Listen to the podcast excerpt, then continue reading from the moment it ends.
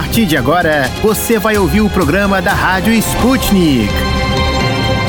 Ouvintes, eu sou a Melina Saad, ao lado da Tayana de Oliveira, apresento o programa de hoje da Rádio Sputnik. Vamos nessa, Mel, trazendo agora os destaques desta terça-feira, 5 de abril. Um carioca que estava na lista de difusão vermelha da Interpol desde 2004 foi preso pelo Serviço de Imigração dos Estados Unidos. A informação foi divulgada ontem pelo site do governo federal brasileiro. Marcelo Henrique Negrão Kijak é acusado de ser responsável por um acidente de trânsito ocorrido em março de 2003 no Rio de Janeiro, que matou três jovens Foragido há quase 20 anos, ele foi localizado no aeroporto de Miami. Segundo a Polícia Federal, Marcelo foi preso ao tentar embarcar em um voo para Israel com passaporte israelense com outro nome. O carioca fugiu para o país do Oriente Médio logo após o crime e adquiriu nacionalidade na tentativa de permanecer foragido da justiça brasileira. No domingo, Marcelo foi encaminhado à prisão americana até extradição para o Brasil. Ele poderá ser condenado a uma pena de até 12 anos de prisão. Falando agora sobre a corrida eleitoral,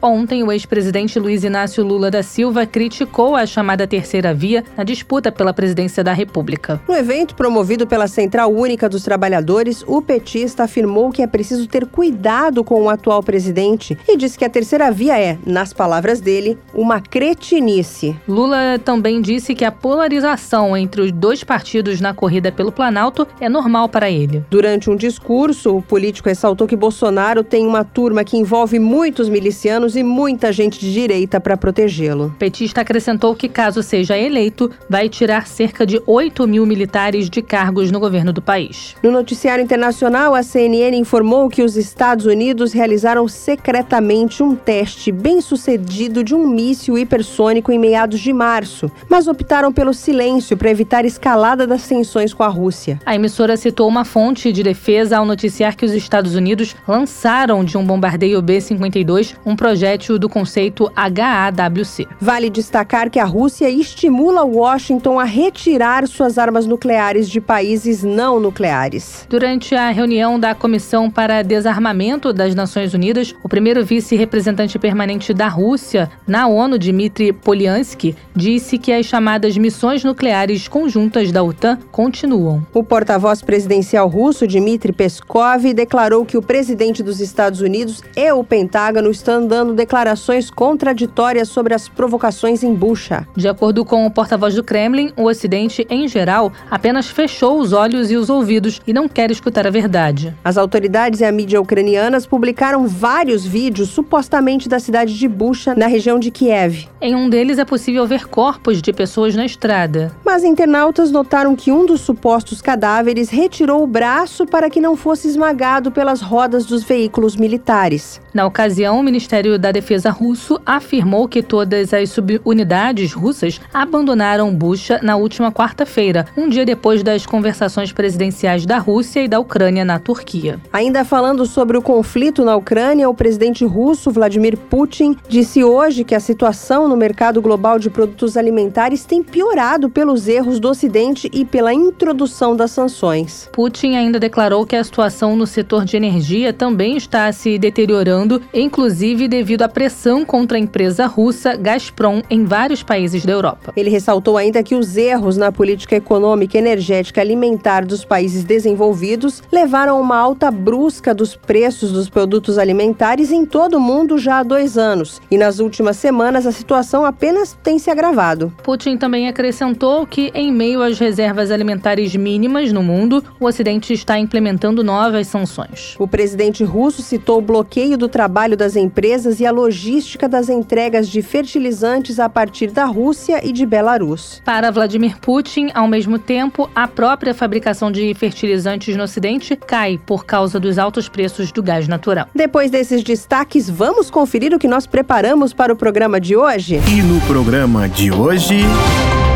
No Destrinchando a Charada Brasil, os efeitos para o agronegócio do conflito na Ucrânia. Saiba o que ficou mais caro para o brasileiro e nós vamos falar também sobre a PEC que anistia os partidos que descumprirem a cota mínima de recursos para candidaturas de mulheres e negros. Na hora do play, mais de 250 soldados ucranianos se rendem às forças russas na cidade de Mariupol. No Você Sabia, que é o nosso quadro sobre curiosidades do Brasil, nós vamos falar sobre a obrigatoriedade do ensino da história da África. O Deu Russo, que é o nosso quadro de histórias bizarras da Rússia, vai trazer um conto fantasmagórico que aconteceu em uma pequena cidade da região de Kaliningrado. Destrinchando a charada. De dentro e fora do Brasil. Política, economia, sociedade e tudo que engloba o maior país da América Latina. As charadas mais complicadas do Brasil são destrinchadas aqui Olá, Mel e queridos ouvintes, nós seguimos juntas para mais um Destrinchando a Charada Brasil. De novo, nós estamos juntas para pensar um pouquinho sobre quais os efeitos do conflito na Ucrânia aqui para o nosso Brasil. Já faz pouco mais de um mês que a Operação Militar Especial começou. Muita coisa no mundo mudou desde então. A Rússia está sofrendo sanções dos países do Ocidente. O país que é um gigante energético deixou de exportar petróleo, entre outros produtos, para o Reino Unido, União Europeia e Estados Unidos. E não foi só o petróleo. As sanções redesenharam o comércio entre todos os países. Cereais também deixaram de ser comprados da Rússia. Os europeus e os Estados Unidos agora buscam outros mercados para comprar esses produtos. Será, Thay, que o Brasil pode suprir esse mercado? A gente só fica aqui de olho em uma coisa: se os preços vão subir. Eu costumava pagar 10 reais pelo café com leite e o pãozinho na chapa. E avisaram que a partir de hoje eu vou pagar 11 reais. Pois é, o que a Operação Militar Especial tem a ver com o café da manhã da nossa amiga Mel? Mais do que vocês imaginam, tá aí, queridos ouvintes. Brincadeiras à parte, o trigo do pãozinho do brasileiro também vem da Argentina, não é só da Rússia, não. Essa pergunta fica no ar. O conflito com a Ucrânia e a nova ordem do comércio mundial beneficia a economia brasileira ou atrapalha? Vai deixar os produtos mais caros? Ainda é tudo muito incerto, mas já há estudos sobre o tema. Um relatório do Banco Bradesco mostra que os efeitos do conflito na Ucrânia para o Brasil são ambíguos. De acordo com o documento, o menor crescimento global, a elevação da inflação e os potenciais problemas da importação de fertilizantes sugerem um menor crescimento e preços mais elevados no médio prazo. Para a instituição, o ganho de termos de troca em um contexto de baixos riscos de solvência favorece a apreciação da moeda, a melhora das contas públicas e menor aversão ao risco, que atuam na direção de maior crescimento e mitigação de riscos inflacionários. Nesse contexto, o efeito líquido deve ser mais crescimento, inflação e juros. Mas além dos problemas, também há oportunidades. A Ucrânia vinha conquistando mercados da Europa e Ásia com exportações de carnes de frango e porco. Eles exportavam de 8 a 9 mil toneladas por mês nesses mercados. Com o fechamento dos portos na Ucrânia, o Brasil está sendo chamado para participar com maiores volumes, segundo o representante de mercados da Associação Brasileira de Proteína Animal. Então é melhor nós chamarmos um especialista para ajudar a gente a entender melhor como ficarão as exportações e o Brasil nesse novo cenário. Quem fala com a gente agora é o professor Marcos Barbieri, economista e professor da Unicamp. Seja muito bem-vindo, professor. Com as sanções, a Rússia deixa de fornecer produtos a vários países. Será que o Brasil poderia atender essa demanda? Como é que eu posiciono basicamente a Rússia em âmbito mundial? Ela não só é uma grande fornecedora de alimentos, mas também de commodities minerais e de energia. Então a Rússia ela tem essa posição chave de ser um fornecedor de alimentos ou commodities de alimentos, commodities eh, minerais e energia. Como é que eu posiciono o Brasil em âmbito mundial? O Brasil também é um grande e um importante fornecedor de alimentos, commodities minerais e energia. Então, o Brasil e a Rússia, nós, até por grandes dimensões, países continentais, grandes populações, uma capacidade industrial razoável, nós apresentamos algumas similaridades em âmbito mundial. Entretanto, dada até a posição geográfica mundial, os alimentos que o Brasil produz, as commodities de alimentos e até minerais que o Brasil produz, não necessariamente são as commodities que a Rússia produz. Nem tudo pode ser suprido pelo Brasil. Uma parte, sim. Eu acredito que uma parte pode ser direcionada não só em alimentos, mas também em energia, petróleo para o Brasil, mas uma parcela não muito grande. A nossa inflação poderia subir por causa disso? Com certeza. Você impacta na inflação duplamente. Os produtos que o Brasil não produz, e que são importados da Rússia ou de outros países, você diminuindo a oferta mundial, você vai ter um impacto sobre a inflação. E aqueles produtos que o Brasil produz e que vão ter uma maior demanda, se por um lado beneficiam a nossa estrutura produtiva, quem produz esses alimentos, commodities, energia, por outro lado, essa maior demanda leva ao encarecimento também dos produtos que nós produzimos. Então, há uma tendência sim, e isso daí não é um caso específico do Brasil, é um caso de âmbito mundial. A maneira importante é como é que o Brasil vai lidar com o impacto dessa inflação internamente, é outra questão. Se você tem uma demanda maior no mercado internacional, você aumenta o preço. Isso significa o quê? Que você já está transferindo para o exterior. Se eu estou tendo uma demanda maior, eu encareço o produto porque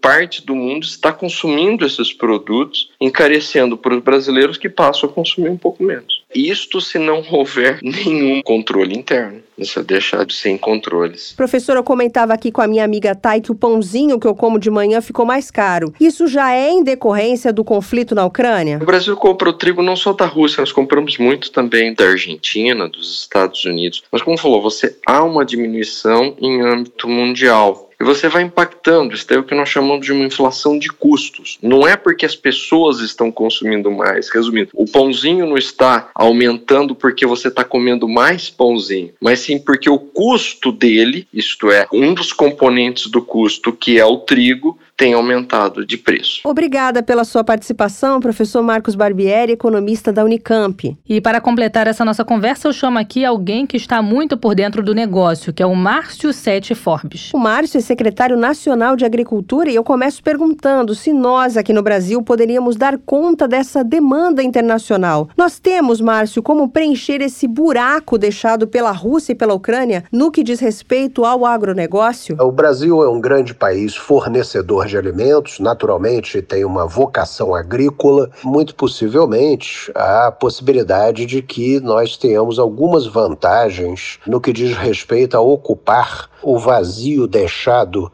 por Rússia e por Ucrânia como produtores de certas commodities agrícolas. Por exemplo, no caso do milho, a Ucrânia é um grande produtor mundial e na dificuldade, evidente dificuldade de escoamento de sua safra por problemas logísticos, o Brasil tende a ter aí uma grande oportunidade para ocupar esse espaço. O Brasil, como concorrente no mercado de milho, tem apenas que observar que houve quebra da segunda safra de milho de 2021 e da primeira safra 2022 em função da seca extremamente forte que o país enfrenta no sul, o que contribui não só para elevar preços, mas também produzir efeitos na cadeia de proteínas animais. Então, no que diz respeito a milho, nós tivemos aí uma contração possível da produção em função dessa seca que nós enfrentamos no Brasil no início desse ano agora, observadamente no início desse ano, e possivelmente afeta nossa safra. Mas diante dos elevados preços no mercado internacional, há um estímulo a que se aumente a área produzida. Esse estímulo de aumento à área produzida seria uma forma de atingir novos mercados e superar as perdas oriundas da seca que os produtores enfrentaram no sul do Brasil e, além disso, se considerarmos a escassez de fertilizantes diante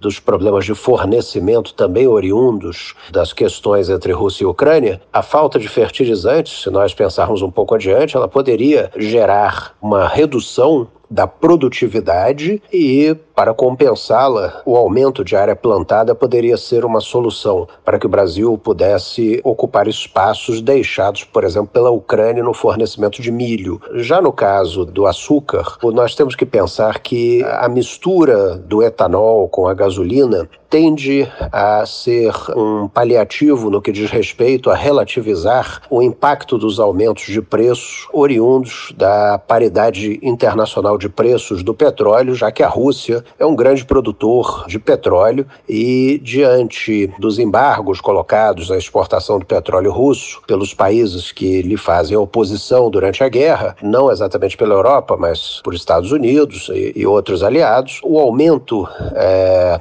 é, do preço do combustível no mercado internacional pode levar as usinas aqui no Brasil a serem mais orientadas à produção de etanol, o que reduziria a disponibilidade do açúcar brasileiro para o mercado internacional. E no que diz respeito às carnes? Podemos aproveitar bem em alguns mercados, inclusive fora da Europa, a oportunidade que se avizinha, como, por exemplo, exportação de frangos para o Oriente Médio, ah, onde o Brasil pode ampliar a sua participação, ocupando espaço deixado, por exemplo, pela Ucrânia. Há outros mercados interessantes que são é, mercados consumidores de produtos do agronegócio brasileiro, que, uma vez que deixam de ser atendidos pelos países envolvidos no conflito, Rússia e Ucrânia, esses mercados precisariam direcionar suas compras para novos fornecedores. E o Brasil pode muito bem aparecer aí como um novo fornecedor, lembrando apenas que os fertilizantes, como insumo para a produção, estão caríssimos.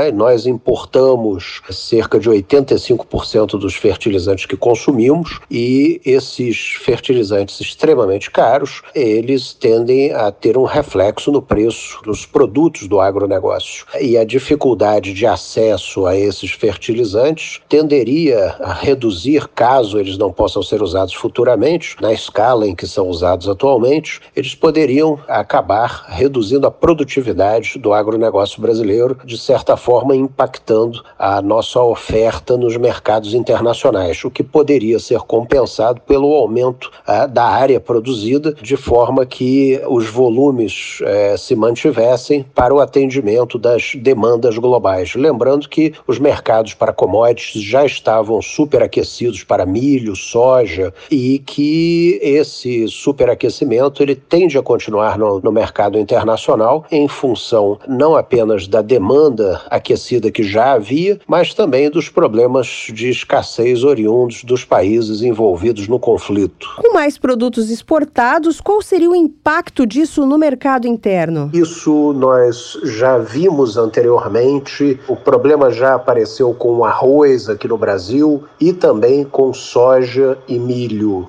No caso do arroz, da soja e do milho, a opção do governo brasileiro foi zerar a alíquota do imposto de importação para que se pudesse importar esses produtos de forma a regularizar o abastecimento do mercado interno. Bem, naturalmente que diante do risco de desabastecimento, quando a quase totalidade da produção está destinada ao mercado externo e o que é destinado ao mercado interno é insuficiente para atendê-lo, o que acaba acontecendo é uma pressão altista de preços. E a nossa inflação que já está alta, como é que fica a nossa situação? A alta da inflação para os produtos do agronegócio, ela é marcada recentemente por fatores climáticos aqui no Brasil, não é? como, por exemplo, as severas secas no Rio Grande do Sul e as chuvas irregulares no Nordeste nesse ano de 2022, também no Sudeste,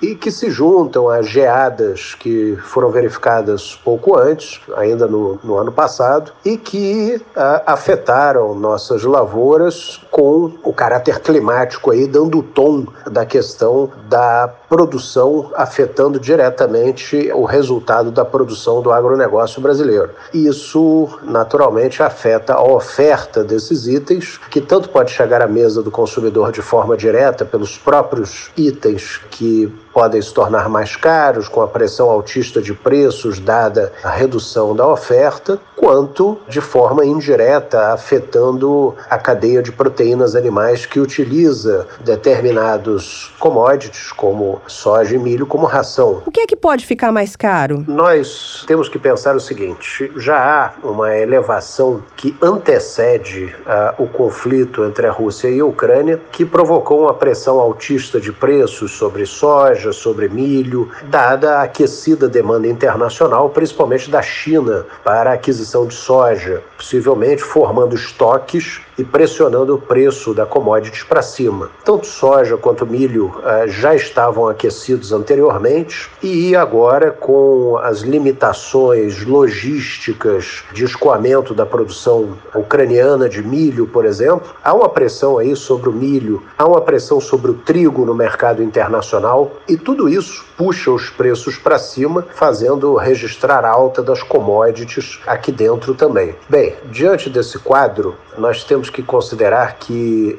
a guerra ela traz uma socialização de perdas na forma da importação da inflação. É isso mesmo, nós importamos inflação cada vez que compramos trigo mais caro, ainda que nosso maior fornecedor de trigo esteja no Mercosul, por exemplo, o trigo está com a cotação internacional bastante elevada. Então nós compramos um produto mais caro e todo o resto do agronegócio brasileiro deverá ser afetado por um fertilizante que, por estar mais escasso diante dos problemas com o escoamento oriundos da Rússia, por exemplo, nós enfrentaremos aí um fertilizante mais caro que afetará naturalmente o agronegócio brasileiro, roubando competitividade do produto, mas também chegando à mesa do consumidor e muito possivelmente aquilo que já se verifica de forma indireta, produtos do agronegócio que são utilizados para ração animal, atingindo as proteínas animais, ou seja, carnes que também ficarão mais caras e isso é um efeito também não esperado, mas que já se pronuncia, um efeito já verificado. O que já está mais caro além do pãozinho da mel? Nós temos aí o trigo, porque acompanha os preços internacionais, assim como milho e soja, que também estão com preços bastante elevados. Essa pressão altista acaba no caso daqueles que são rações animais, como milho, soja, por exemplo, acabam afetando as carnes, né? os produtores de carnes de suínos, aves e carne bovina. Nós acabamos tendo aí uma cadeia de, de produção de proteínas animais que sofre com esses insumos alimentares na forma de ração animal, que estão mais caros, pressionando para cima o preço das carnes. Da mesma forma, o trigo importado que nós, nós importamos hoje, embora tenhamos melhorado a qualidade da nossa produção no que diz respeito a um encaminhamento rumo a um aumento da produção nacional, o trigo que nós costumávamos importar 70% do que consumíamos hoje, ainda importamos 60%. De fato, o perfil melhorou, mas nós ainda somos dependentes de 60% do trigo importado. E como o produto é base para farinha que será utilizada na produção de massas, pães, bolos e biscoitos, verifica-se aí uma pressão altista sobre o preço desses alimentos também. Por fim, devemos deixar claro que não é só a importação de inflação no sentido de que compramos determinados produtos mais caros, mas também temos, como mencionei, a questão dos rigores climáticos, com secas severas no Rio Grande do Sul e chuvas irregulares no Nordeste no início desse ano e no Sudeste brasileiro, que é, cujas intempéries climáticas registradas acabaram causando previsão de redução da safra e das safras, por exemplo, de milho, por exemplo, e soja, e com isso a, a previsão de aumento de preços ela passa a ser uma realidade, inclusive com a, a possibilidade de afetar o produto interno bruto, já que há uma revisão para baixo das safras de milho e de soja em função principalmente da seca severa no Rio Grande do Sul. Esse foi o Márcio Sete Forbes, secretário nacional de Agricultura, que trouxe muitos esclarecimentos aqui pra gente. Volte sempre, Márcio. Nós temos aqui mais um entrevistado para ajudar a gente a entender esse assunto, o professor Renato Veloni, de Macroeconomia do IBMEC. O senhor acha que o Brasil tem como suprir esse mercado que deixou uma lacuna por conta do conflito com a Ucrânia? Certamente o produto que vai chegar, esse produto vai chegar na Europa, né, importado do Brasil, ele chega a um preço mais caro. E também nós brasileiros aqui, quando formos consumir, sei lá, um quilo de açúcar, de trigo, de milho né, ou qualquer produto industrializado que vá esse tipo de componente, vai também pagar mais caro, porque imagina assim, para um produtor de trigo, por exemplo, se ele fala, bom, se em algum lugar do mundo estão me pagando 100 dólares a saca, por que é que eu vou vender a menos do que isso para um brasileiro ou para qualquer outra pessoa? Né? Então, se estão pagando mais lá fora, essa acaba sendo a referência de preço e mesmo para vender internamente tem que se pagar esse preço ou você não vai ter o produto. É esse o ponto aqui. Vai ter uma disponibilidade interna desses produtos agrícolas né, muito menor e o preço sobe. Então, a verdade é que a cotação desses, da maioria desses produtos ela é internacional e no mundo inteiro, então, quem quiser consumir esses produtos vai precisar necessariamente pagar mais caro e pagar aí seguindo uma cotação que é internacional, não tem muito como fugir, tá? Então a gente deve verificar no Brasil, assim como no mundo todo, uma reorganização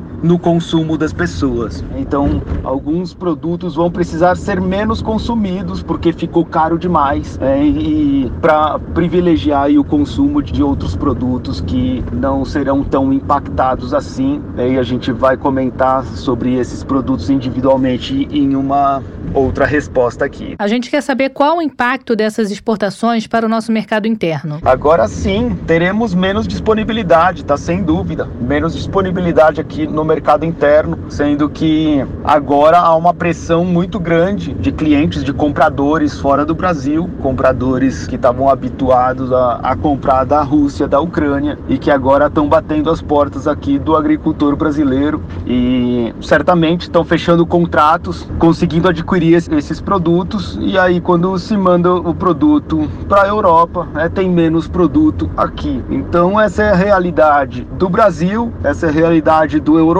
e essa é a realidade do mundo, tá? Então todo mundo está pagando aí essa fatura, digamos que quase que numa mesma medida. O preço fica mais caro, fica mais caro para todo mundo porque a disponibilidade é menor do produto no mundo inteiro. Então, meio que essa conta aí vem para a população, digamos quase que mundial, tá? Ninguém é difícil imaginar alguma economia que não seja afetada por esse tipo de movimento. Pegando aqui as economias grandes e relevantes, todas estão nesse mesmo barco. Há risco de nós ficarmos desabastecidos? É, aqui a gente tem um ponto bem interessante, porque o mundo já estava passando né, por um problema sério de inflação, mesmo antes do conflito começar. Aqui o contexto é a saída da crise, da pandemia, Covid e tudo mais. Então, no receituário econômico, né, o, o que a gente tem para conviver melhor com uma crise prover liquidez para a economia, prover liquidez para tentar fazer né, a máquina econômica não parar. Então é aquilo que a gente coloca aí na linguagem popular como imprimir dinheiro. Na prática não é mais assim que funciona, mas a ideia geral é essa mesmo. Para conviver com uma crise de uma maneira um pouco menos traumática, se coloca dinheiro na economia e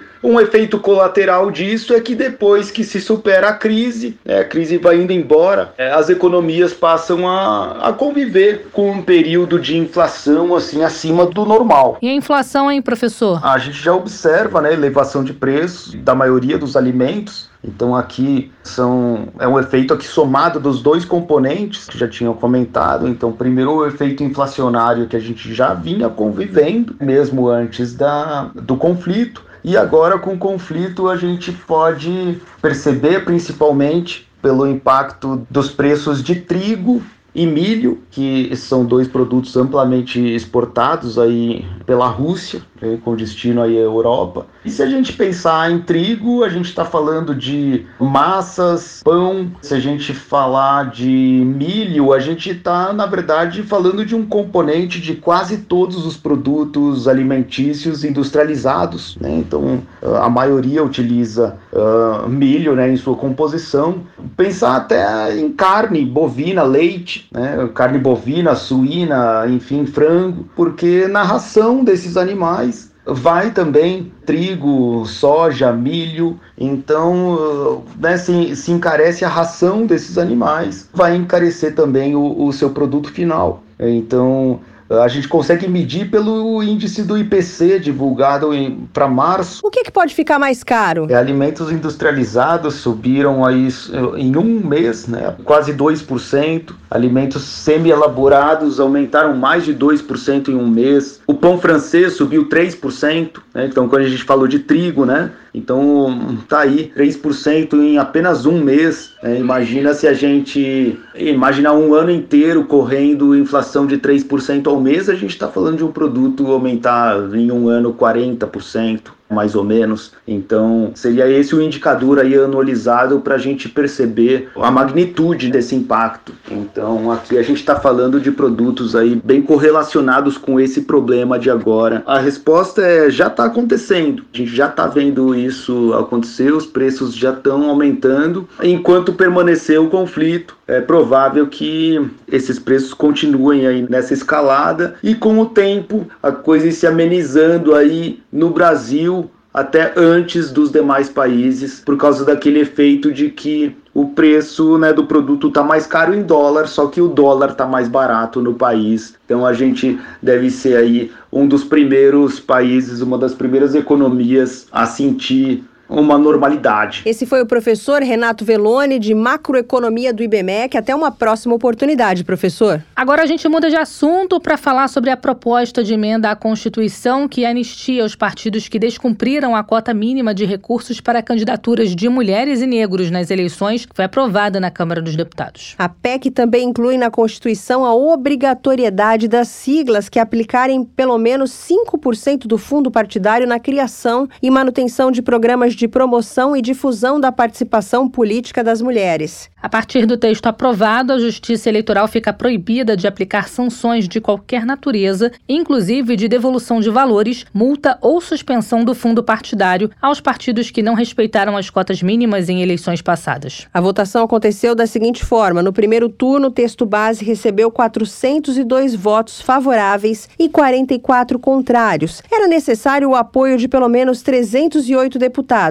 No segundo turno, o placar foi de 400 a 38. Por se tratar de PEC, a proposta entra em vigor imediatamente, não cabendo sanção ou veto presidencial. Lembrando aos nossos ouvintes que em 2015 o Congresso estabeleceu um mínimo de 15% nos recursos para as campanhas de mulheres. Mas, três anos depois, o Supremo Tribunal Federal derrubou a decisão, por entender que os partidos deveriam reservar pelo menos 30% dos fundos para as candidatas. Segundo o jornal Folha de São Paulo, um levantamento feito com base na prestação de contas parcial dos candidatos candidatos entregue à Justiça Eleitoral mostra que, apesar de pretos e pardos somarem 50% do total de candidatos, eles haviam sido destinatários de cerca de 40% das verbas do fundo eleitoral e partidário. Ainda de acordo com a Folha, os autodeclarados brancos reuniam 60% do dinheiro, apesar de representarem 48% dos candidatos. O jornal também mostrou que em 2020 a maioria dos partidos descumpriu a determinação da Justiça de dar tratamento igualitário ou proporcional a homens e mulheres e negros, a homens e mulheres negros e brancos na distribuição das verbas e do tempo de propaganda eleitoral. A proposta aprovada na semana passada também vale para propaganda em rádio e TV. Segundo a PEC, a distribuição deve seguir critérios definidos pela direção dos partidos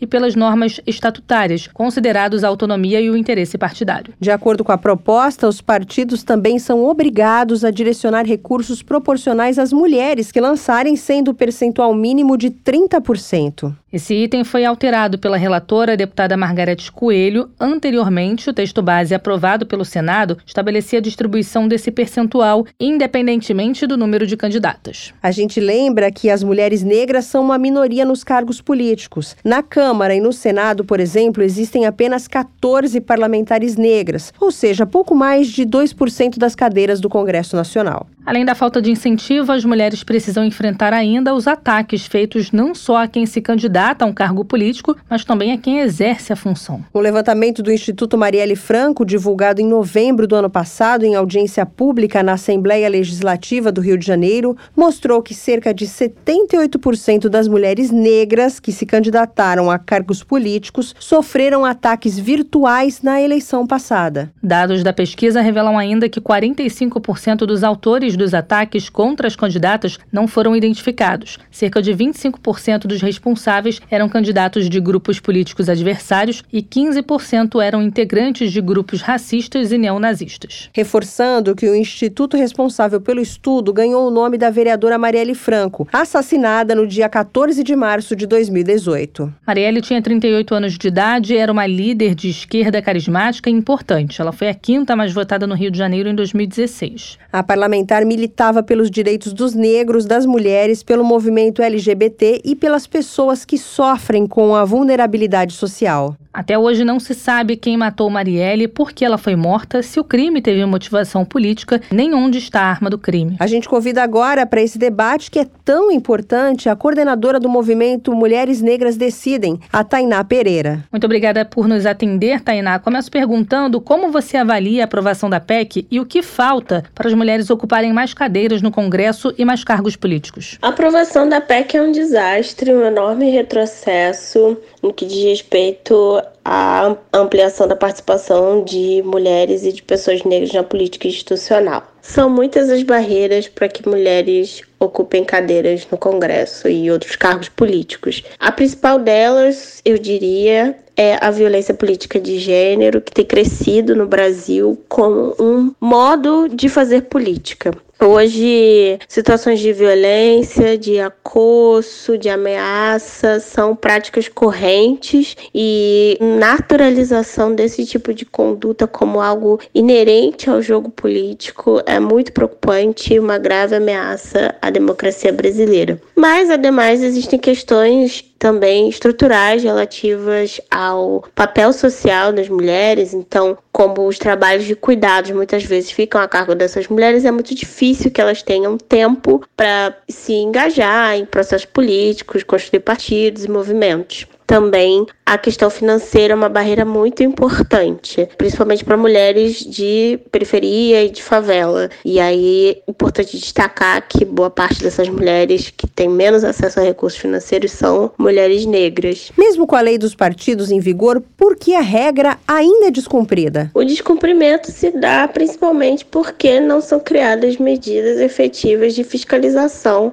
dos partidos no cumprimento dessas novas regras e porque também existe pouca pressão popular da sociedade civil para que os partidos se atentem a isso, para que mudem as suas regras e o seu modo de fazer interno, dando preferência a quadros políticos mais diversos, femininos, negros, LGBT. Na verdade, a lei que incentiva os partidos a buscar quadros de mulheres e pessoas negras deveria reforçar a importância da eleição desses perfis políticos, porque o que acontece hoje é que o partido escolhe entre os seus quadros políticos aqueles que parecem ter maior viabilidade e o que você vê é uma competição muito feroz entre pessoas com perfis semelhantes e que eventualmente vão disputar voto, ao invés de você ter uma série de candidaturas que poderiam ter um aporte financeiro, poderiam ter as estruturas partidárias voltadas para sua construção e que ao final garantiria a eleição de muito mais pessoas, com um número expressivo de votos também. Então, acho que o erro já é um erro de partida, né? A opção pelo voto dobrado significar um aumento do fundo partidário foi errada. A melhor opção seria que uma maior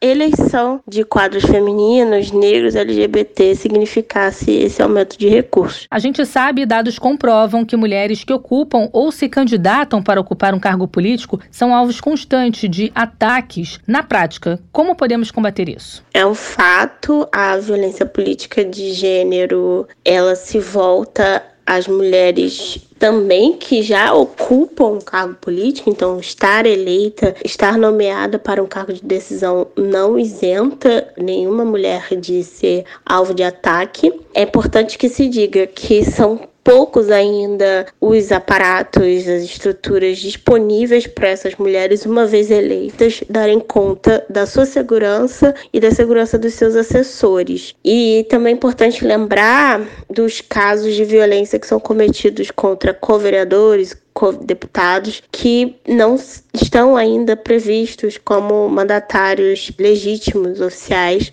e que, portanto, não têm acesso formal aos mecanismos poucos, né, parcos ainda disponíveis para pessoas eleitas. Uma maneira que essas mulheres, principalmente mulheres trans, mulheres negras, têm encontrado de conseguir se manter nos cargos que conquistaram através do voto é legislando em causa própria. Mas só isso não é suficiente. É preciso que os movimentos que as acompanham, um amplo setor da sociedade civil que acredita na importância da diversidade de corpos na política e principalmente as estruturas partidárias criem mecanismos de segurança para essas mulheres, mesmo antes do início da corrida eleitoral, que elas façam uma avaliação correta do risco daquela candidatura, que criem fundos que possam eventualmente ajudar essas mulheres a garantir aparato de segurança ou se deslocarem, se mudarem, caso necessário, caso haja alguma ameaça grave contra a sua vida ou sua integridade física. E que o debate se expanda. E o tema da violência política de gênero precisa estar na boca do povo. Não como algo que vai privilegiar a participação de mulheres e outros grupos sociais na política, mas algo que vai garantir que essas pessoas não sejam afastadas em definitivo dos processos políticos, impedidas de exercer a sua cidadania de forma plena. O que a gente está falando aqui é de uma garantia constitucional. Por que as mulheres têm dificuldade para denunciar a violência política? Boa parte da dificuldade na denúncia de casos de violência política se dá principalmente pela estrutura, então falta na institucionalidade canais específicos para lidar com esse tema. São poucos os estados que têm legislação sobre isso. A legislação federal é bastante recente também, foi aprovada só no final do ano passado e carece ainda de um fluxo de acolhimento, um protocolo, melhor dizendo, de acolhimento dessas mulheres, de acompanhamento dos casos e uma responsabilidade maior em relação ao que resulta desses processos, tanto para as próprias mulheres que foram vítimas ou foram ameaçadas de alguma forma, quanto para o conjunto da sociedade. É muito difícil hoje, e falo como observadora da sociedade civil, como alguém que pesquisa e trabalha com o tema, é muito difícil conhecer detalhes esses casos e quais são os trâmites adotados na institucionalidade, seja da justiça eleitoral eleitoral, seja dentro das casas legislativas, seja no Ministério Público. O que acontece uma vez que essas mulheres denunciam? Não existe uma sistematização ainda sobre esses dados. Na sua avaliação, as mulheres que entram na política sofrem com a falta de uma rede de apoio dentro dos partidos? As redes de apoio dentro das estruturas partidárias, elas são de outras mulheres que ocupam mais ou menos os mesmos espaços dentro dos partidos. Como ainda existem poucas mulheres dirigentes nos partidos, é difícil que alguém com poder maior dentro do partido garanta uma estrutura, um espaço seguro para que essas mulheres falem sobre as violências que, inclusive as violências que elas sofrem dentro do, do próprio partido, né? Por correligionários. Então, sim, esses espaços existem, mas eles ainda são muito poucos diante da necessidade que as mulheres apresentam, né, principalmente em anos eleitorais. Inclusive, em iniciativas da sociedade civil que muitas dessas mulheres, antes de decidir concorrer ao cargo público, de se lançar como candidatas, recorrem para conseguir de alguma forma se construir politicamente. A gente lembra aqui da vereadora Marielle Franco, que foi eleita no Rio de Janeiro como a quinta mais votada nas eleições de 2016. Ela foi uma exceção? De fato, a vereadora Marielle Franco é excepcional de muitos pontos de vista, mas não foi necessariamente o apoio do partido que garantiu os 46 mil votos dela. Acho que existe um componente de mobilização territorial, de diálogo muito próximo e muito sincero com as organizações sociais, com os movimentos, para conseguir esse número tão expressivo de votos. Então, esse trabalho mesmo de articulação feito nos territórios não pode ser desconsiderado. Partido tem muitas barreiras, como todos os outros partidos brasileiros, para a participação de quadros como o da Marielle, né, de mulheres, negras, LGBT faveladas, mas àquela altura já havia uma projeção para além do, do município do Rio de Janeiro do trabalho que ela vinha desempenhando. Então ficou praticamente insustentável é, para o partido não, não apoiar aquela candidatura. Mas sim, é muito importante destacar que ter o apoio do partido é um elemento importante para a eleição de mulheres, tanto que hoje se discute o grande atraso que significa a aprovação da PEC da anistia. Essa essa foi a Tainá Pereira, coordenadora do movimento Mulheres Negras Decidem. Muito obrigada pelo bate-papo e até mais. Obrigada, Tainá. A luta não pode parar e nós vamos continuar dando voz a essas mulheres aqui. Esse foi o Destrinchando a Charada Brasil de hoje. Até mais.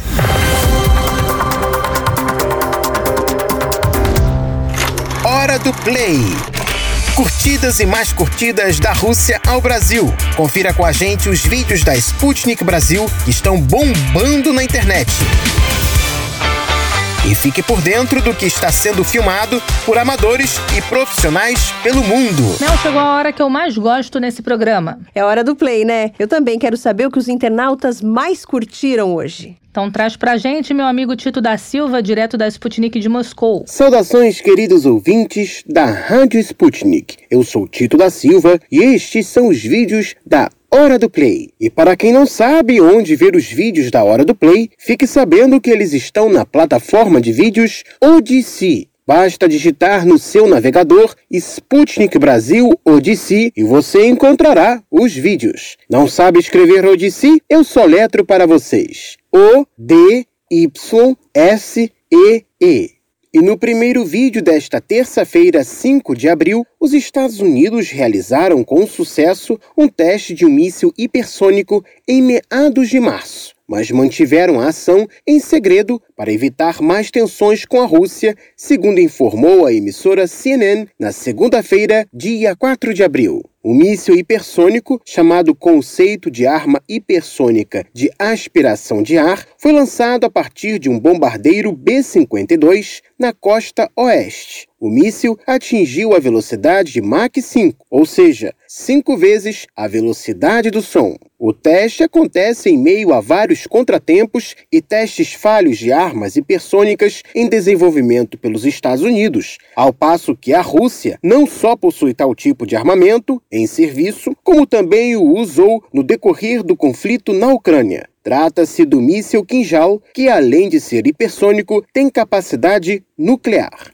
O vídeo com detalhes sobre o armamento norte-americano você assiste digitando na Odyssey, Estados Unidos, testaram míssil hipersônico em segredo em meados de março, diz mídia. E no segundo vídeo de hoje, enquanto as tropas russas avançam pela cidade de Mariupol, mais de 250 fuzileiros navais ucranianos se renderam aos soldados russos. Os militares ucranianos falharam em impedir a entrada das tropas russas em uma das instalações da zona industrial de Mariupol, a cidade que tem sido palco palco de intenso conflito e que é situada na costa ucraniana no Mar Negro, está em grande parte já sob o controle das tropas russas. Enquanto alguns militares ucranianos e combatentes do batalhão Azov tentam fugir do combate vestindo roupas civis, outros estão se rendendo. O vídeo da rendição em massa você assiste digitando na Odyssey. Mais de 250 soldados ucranianos se rendem de uma vez só em Mariupol.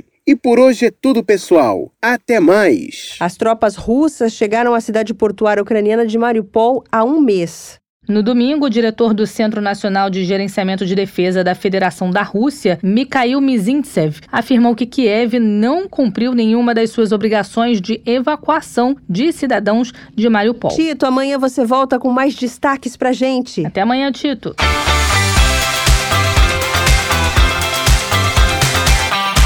Você sabia? Não? Agora vai saber! Num país gigante como o Brasil, sempre há mistérios ou peculiaridades históricas que merecem ser desvendados. Vem com a gente descobrir! Olá, ouvintes. Vocês sabiam que o ensino da história da África é obrigatório no Brasil? Eu confesso que não sabia, Mel, mas fico feliz em saber porque a gente acaba estudando muito no colégio a história da Europa. Exatamente, nós somos um país que recebeu milhares de africanos no período colonial. Conhecer a história da África é fundamental para entendermos a formação da nossa sociedade. Sem dúvida. Para falar um pouco mais sobre isso, nós convidamos a professora de História, Clícia Maria Miranda. Clícia, muito obrigada pela sua participação. Para começar, conta pra gente por que o ensino de história da África é obrigatório no Brasil. Professora, qual a importância de termos o ensino obrigatório de história da África? O ensino de história da África e da cultura afro-brasileira é uma reivindicação antiga dos movimentos sociais negros. O grande ativista negro Abdias Nascimento já chamava atenção para a necessidade de inserir esses conteúdos nas escolas brasileiras. Durante muito tempo, essa história nos foi negada, muito em virtude de um conteúdo que privilegiava uma perspectiva eurocêntrica, mas também pelo racismo, que desconsiderava as experiências históricas e a produção de conhecimento das populações negras. A história da África e da cultura afro-brasileira é parte fundamental da formação social brasileira e a qual muitos de nós têm o direito de conhecer, em especial pessoas negras, uma vez que são a maioria da sociedade brasileira, conforme o último censo. E também porque essa história faz parte da construção de sua identidade de forma positiva. Precisamos saber de onde viemos, das nossas origens, do legado do conhecimento e ciência dos nossos antepassados africanos. Na sua percepção, como está sendo a aplicação disso na prática? A Lei 10.639 de 2003, que passou a se tornar 11.645 de 2008, para incluir história e cultura indígena como obrigatórias, como qualquer outra lei, passa por etapas de adaptação e por processos de aplicação que vão desde o conhecimento das leis, pelas partes envolvidas, sobretudo os agentes da educação, no caso, até a sua fiscalização. Alguns professores e professoras, por terem a compreensão da necessidade de um ensino mais plural ou por estarem comprometidas né, com pautas da população negra, já desenvolviam iniciativas próprias com esse viés. Mas havia ainda uma ausência de conteúdos didáticos ou de uma abordagem com base em conteúdos de história da África. Então, hoje, em virtude da lei, há uma produção de conhecimento a respeito, bem como uma ampliação do mercado editorial com essa temática que se reflete é, nos materiais didáticos e paradidáticos. Uma outra percepção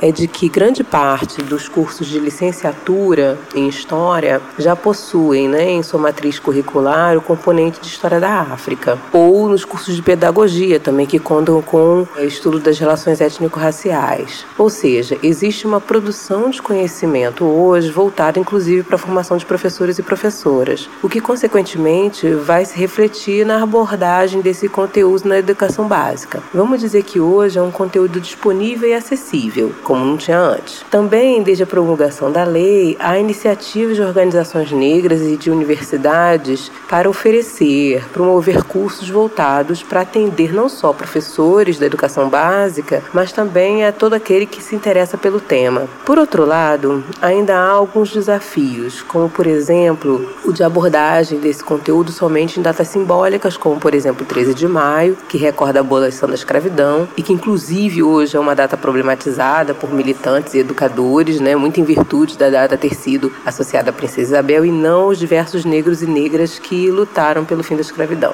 Tem também a data de 20 de novembro, que celebra o Dia da Consciência Negra. Então, há uma tendência a concentrar as atividades que abordam a história da África e da cultura afro-brasileira nestes calendários. E isso eu imagino que precisa ser repensado, uma vez que esse ensino, bem como o ensino da cultura indígena, né, história e cultura indígena, podem e devem ser aplicados durante todo o ano escolar. Sem dúvida, são conteúdos que precisam ser aplicados ao longo de todo o ano. Quais são os desafios para que isso aconteça? Outro desafio é que os temas relacionados à história da África e cultura afro-brasileira podem ser abordados não só nas disciplinas de história, artes e literatura, como está descrito na lei. Outras áreas do conhecimento, como disciplinas como matemática, podem lançar mão desse conteúdo, principalmente porque povos africanos desenvolveram conhecimento e ciência. Inclusive, já há iniciativas nesse sentido, como a adoção, por exemplo, da etnomatemática, que aborda a matemática por meio do conhecimento produzido por diversos grupos étnicos culturais. Quais são os efeitos do ensino da história e da cultura africana? Eu acho que um dos efeitos dessa disciplina é a valorização da cultura, das origens, das identidades negras, da autoestima das crianças negras, que passa pelo acesso ao legado de conhecimento e da história de seus antepassados, que vai além do período escravista, uma vez que a África é um continente com civilizações e povos muito antigos. Passa também pela desconstrução da África como lugar somente de fome, violência e miséria, mas como local de muita riqueza natural e cultural. Por isso, precisamos destacar a cultura popular como grande aliada no ensino de história e cultura africana e afro-brasileira, como por exemplo as escolas de samba com seus enredos sobre África e cultura afro-brasileira e os grupos de capoeira que ensinam, a partir da prática corporal, do toque e do canto, todo um legado africano. E quais são os efeitos já percebidos com o ensino da história da África? Os efeitos são sentidos ainda por meio do ensino das relações étnico-raciais. O estudo da história da África e da cultura afro-brasileira vem acompanhado desse estudo. Então, não é possível abordar essa história sem tocar, por exemplo, no mito da democracia racial como uma falácia voltada para mascarar o racismo e os seus efeitos. Se por um lado vemos diariamente casos de racismo no Brasil, por outro, há hoje uma compreensão maior e mais ampla de como ele age na sociedade e, consequentemente, há uma quantidade maior de denúncias. Por isso, conhecer essa história e, deste modo, valorizar sua origem e sua identidade racial se torna fundamental, até mesmo como um ato político. Há algum tipo de dificuldade hoje no ensino de história e cultura da África? Quais são os desafios enfrentados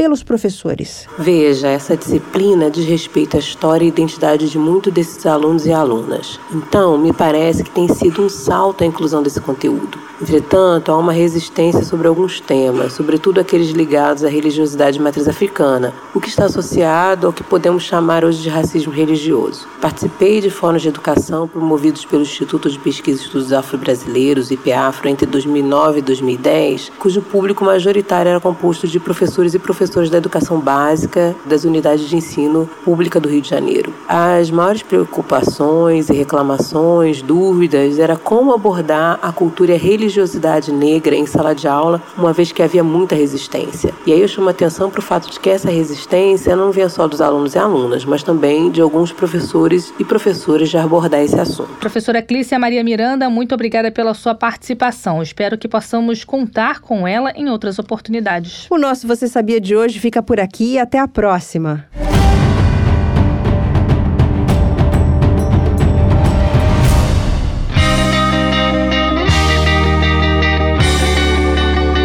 Deu Russo. De notícias bizarras do Brasil já estamos mais que saciados. E as bizarrices que acontecem na Rússia, hein? É outro nível, rapaziada. Ih, deu russo! Tayana, você tem medo de fantasma? Olha, Melina, tenho não, mas é aquela coisa. Se fantasmas existem, quero distância de todos eles. Nossa, nem me fale, eu morro de medo. Eu lembro daqueles programas que passaram na TV quando eu era mais nova e eu ficava toda aflita quando ouvia histórias paranormais. Sem contar nos filmes de terror de fantasmas, é cada pulo que eu dou quando um fantasma aparece que eu assisto a filmes de terror mais com o olho fechado do que aberto. Eu fico toda arrepiada. Mas como boas contadoras de história, o que, que você acha de nós contarmos um relato fantasmagórico que aconteceu lá na Rússia. É aquele que eu tô pensando? Esse mesmo. Caros ouvintes, em uma pequena cidade da região russa de Kaliningrado, uma coisa estranha deu as caras. Deu as caras não, pois cara não tinha. Era uma tarde como outra qualquer na pequena cidade da região de Kaliningrado. Muita gente trabalhando ou em casa descansando. Em um shopping da cidade, todos os alarmes de incêndio dispararam. Algo havia acontecido. Será que era mesmo o começo de um foco de chamas? Os seguranças do shopping muito rapidamente conferiram todos os pontos do centro comercial e evacuaram todo mundo. Além de evacuar todo mundo, quem estava lá dentro do shopping teve que responder a umas perguntas. Os guardas queriam saber se alguém tinha tramado alguma coisa. Depois de muito perguntar, nenhuma pista apareceu no tabuleiro desse enigma. Mas isso não quer dizer que os guardas desse shopping se deram por vencidos. Com certeza de que não havia lugar para incêndio no shopping, os guardas decidiram conferir as câmeras de segurança do estabelecimento. Vai que lá encontravam alguma coisa. Conferiram segundo por segundo, começando a ver as filmagens de duas horas antes do alarme de incêndio. Às três horas da tarde, em ponto, algo estranho apareceu nas filmagens. Uma das câmeras instaladas do lado de fora do shopping flagrou que poderia ser o culpado por disparar o alarme de incêndio. Passando muito lentamente a gravação, os dois guardas se depararam com um vulto indo embora do shopping por um corredor estreito, localizado em um dos lados do centro comercial. Na gravação dá para ver como o vulto saiu pela porta de emergência do shopping e caminhou pelo corredor até dobrar a rua. Nossa, eu fico toda arrepiada, Thay. Ainda mais porque os guardas não olharam só uma vez as imagens. Ficaram indo e voltando para ter certeza de que se tratava de um fantasma. Daí vocês podem perguntar: era um vulto branco? Era um vulto flutuante? O vulto era escuro e tinha o tamanho de um homem adulto? Entrou no shopping, apertou todos os alarmes de incêndio e saiu correndo pela porta dos fundos. O que será que esse fantasma queria, hein? Bem, Mel, fica difícil saber, mas só de ter aparecido por aquelas bandas da Rússia já foi motivo para causar burburinhos na pequena cidade russa. Eu ouvi dizer que esse shopping agora está recebendo mais visitantes depois da aparição do Gasparzinho russo. Será que era o que estava faltando para levantar a moral desse pequeno shopping, dessa pequena cidade da região russa de Kaliningrado?